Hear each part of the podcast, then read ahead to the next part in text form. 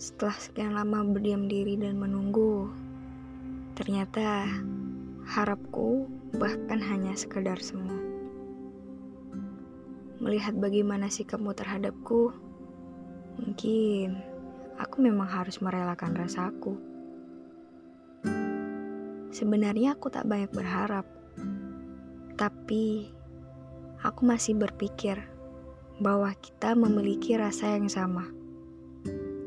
Entah kapan semua itu mulai berubah menjadi sesuatu yang tak bisa aku mengerti.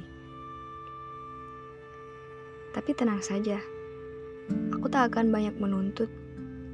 Hanya saja, mari kita segera berbicara.